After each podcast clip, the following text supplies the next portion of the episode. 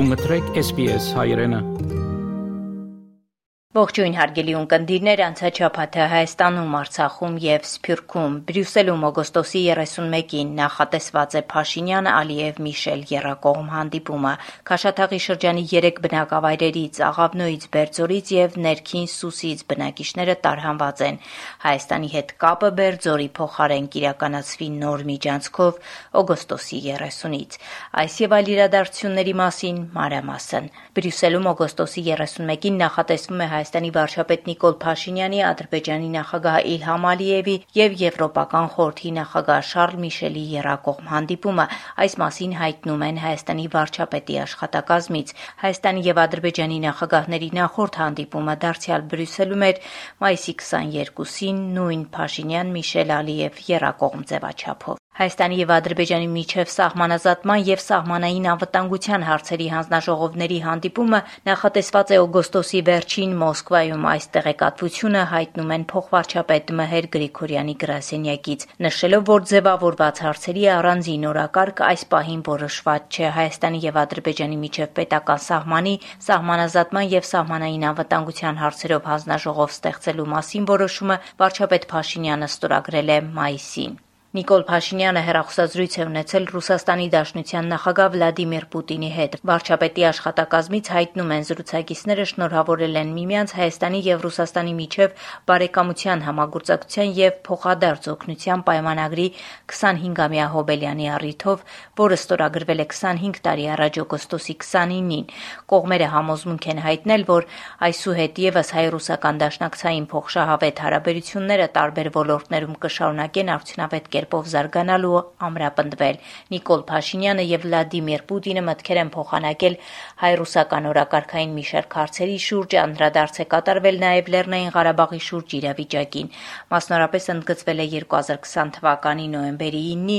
2021 թվականի հունվարի 11-ի եւ նոյեմբերի 26-ի երակող պայմանավորվածությունների հետեւողական իրականացման կարեւորությունը։ Հայաստանի արտաքին գործերի նախարարությունը սահմանված կարգով պատասխանել է Ռուսաստանի դեսպանության բողոքի նոտային, հայտնում է Հայաստանի արտգործնախարարությունը։ Օգոստոսի 17-ին հայտնի դարձավ, որ Ռուսաստանի դեսպանատունը բողոքի նոտա էր հղել Հայաստանի արտգործնախարարությանը օգոստոսի 14-ին Երևանի Սուրմալու առևտրի կենտրոնում տեղի ունեցած պայթյունի համատեքստում մամուլում ռուսական կառույցների հասցեին հնչած մեղադրանքների առնչությամբ։ Հայաստանի անկախության հռչակագրի 32-րդ տարեդարձին Հայաստանում կրկին խոսակցություններ են անկախությունը վերանվաճելու անհրաժեշտության մասին։ 1990 թվականի օգոստոսի 23-ին Գերագույն խորհրդի կողմից ընդունված հռչակագիրն այն մասին է, որ հայկական խորհրդային սոցիալիստական հանրապետությունն անկախ պետության հաստատման գործընթացի սկիզբ է դնում։ Մեկնարկած գործընթացը դե յուրե ավարտվեց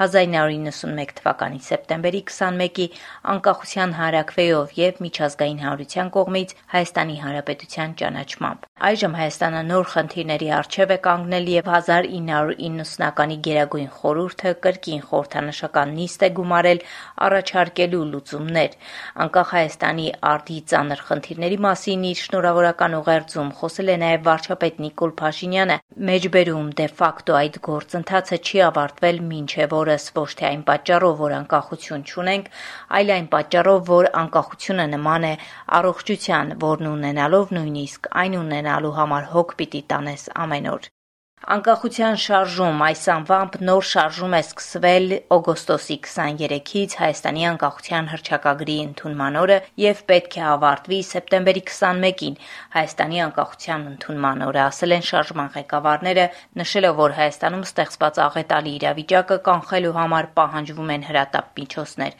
Հարապետության հրապարակում կայացած հավաքում հայտարարել է Լեհաստանում Հայաստանի նախկին դեսպան, սահմանադրական դատարանի աշխատակազմի նախկին ղեկավար Էդգար Ղազարյանը անդրադառնալով Բերձոր, Սուս եւ Աղավնո բնակավայրերը Ադրբեջանին հանձնելու, տեղի բնակիչներին տարհանելու իրողություններին, իսկ գլխավոր պահանջը Փաշինյանի հրաժարականի պահանջն է, որին հույս ունեն հասնել սեպտեմբերի 21-ին։ Եվ այս հանրահավաքը ոչ թե հակադրությունը դիմադրության շարժման հանրահավաքներին, այլ փոխ լրացնող մի ակցիա։ Այս ակցիան իր մեջ այս նախաձեռնությունը գաղափարական եւ բովանդակային իմաստով որևէ հակադրություն չունի։ Այն փոխ լրացնող որոշակի իմաստ ունի։ Գլխավոր մեսիջը մեր հանրահավաքի կլնեն ոչ շատ մեծ քանակի ելույթներ, որ մենք կներկայացնենք մեր հիմնական նպատակը, մեր խնդիրները, հիմնավորումները եւ ես պետքա հանրահավաքի մասնակիցների թույլտվությամբ գնամ փորձեմ հանդիպել վարչապետ Նիկոլ Փաշինյանի հետ։ Եվ հանդիպման նպատակը ես ազնվորեն ներկայացրել եմ, եւ որ պաշտոնապես եմ դիմել հանդիպման համար, վարչապետի հրաժարականի պահանջ, այսինքն ես դիմել եմ հանդիպման խնդրանքով քննարկելու իր հրաժարականի պահանջ։ Ընդդիմությունը եւս շարունակում է բողոքի ակցիաները Հայաստան խմբակցության ղեկավար Պաշտպանության նախկին նախարար Սեյրան Օհանյանի համոզմամբ գործող վարչապետ Նիկոլ Փաշինյանն ամեն դեպքում հրաժարական է տալու։ Առանց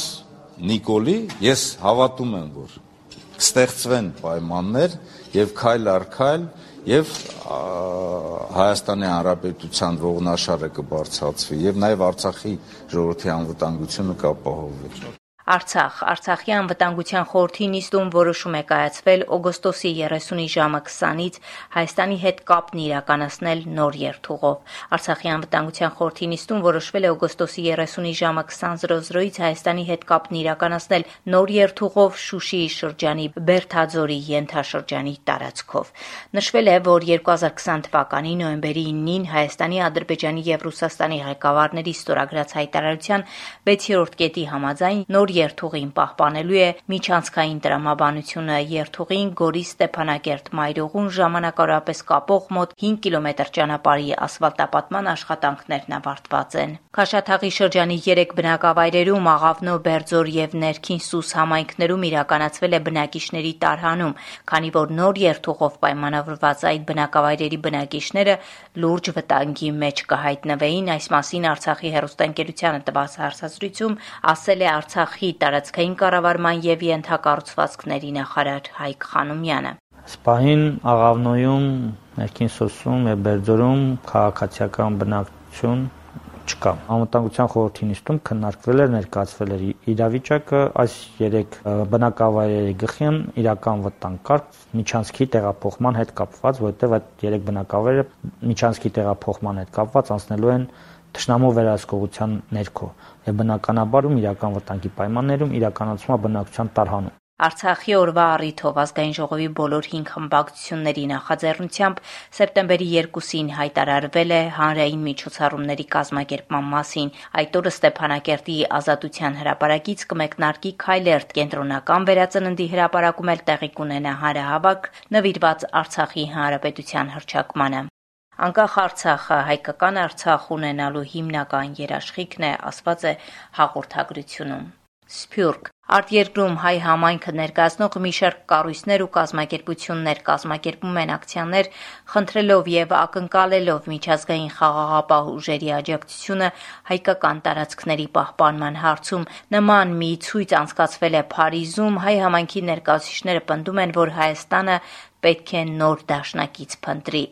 Եվրոպայում հայկական մի շարք կազմակերպություններ ակցիաների միջոցով եվրոպական կառույցներից խնդրել են եւ ակնկալում են օգնություն հայկական տարածքների պահպանման հարցում։ Գերմանիայի հայ ակադեմիականների միության նախագահ պատմաբան Ազատ Օրդուխանյանը հանրային ռադիոյի հետ զրույցում հայտարարել է միջազգային խաղաղապահների ներգրավվածությունը հայկական տարածքների պահպանման գործում անհրաժեշտ է եւ հրատապ։ Դրա համար ամեն քայլը լեգիտիմ է եւ ամեն քայլը ընդունելի է ամենակարևորը հայրենիք հող չկորցնելն է։ Պայմանագրեր իհարկե չունենք կամ բավարար չեն, բայց իջև երեխան չի լացում, մայրը նրան կաթ չի տալիս։ Այս սկզբունքով փորձում ենք գտնել նոր դաշնակիցներ, որոնք կարող են այս դժվարին պահին մեզ օգնել պահպանելու համար մեր հայրենի տարածքները։ Մեր երկրի անվտանգության հետ կապված հարցերը նպաստավոր վիճակում չեն, այս մասին ասել է Սփյուռքի նախկին նախարար Հրանուշ Հակոբյանը, հավելելով. որովհետև Սփյուռքը իր տեղում, Արցախի իր տեղում, Հայաստանի իր տեղում կկարողանան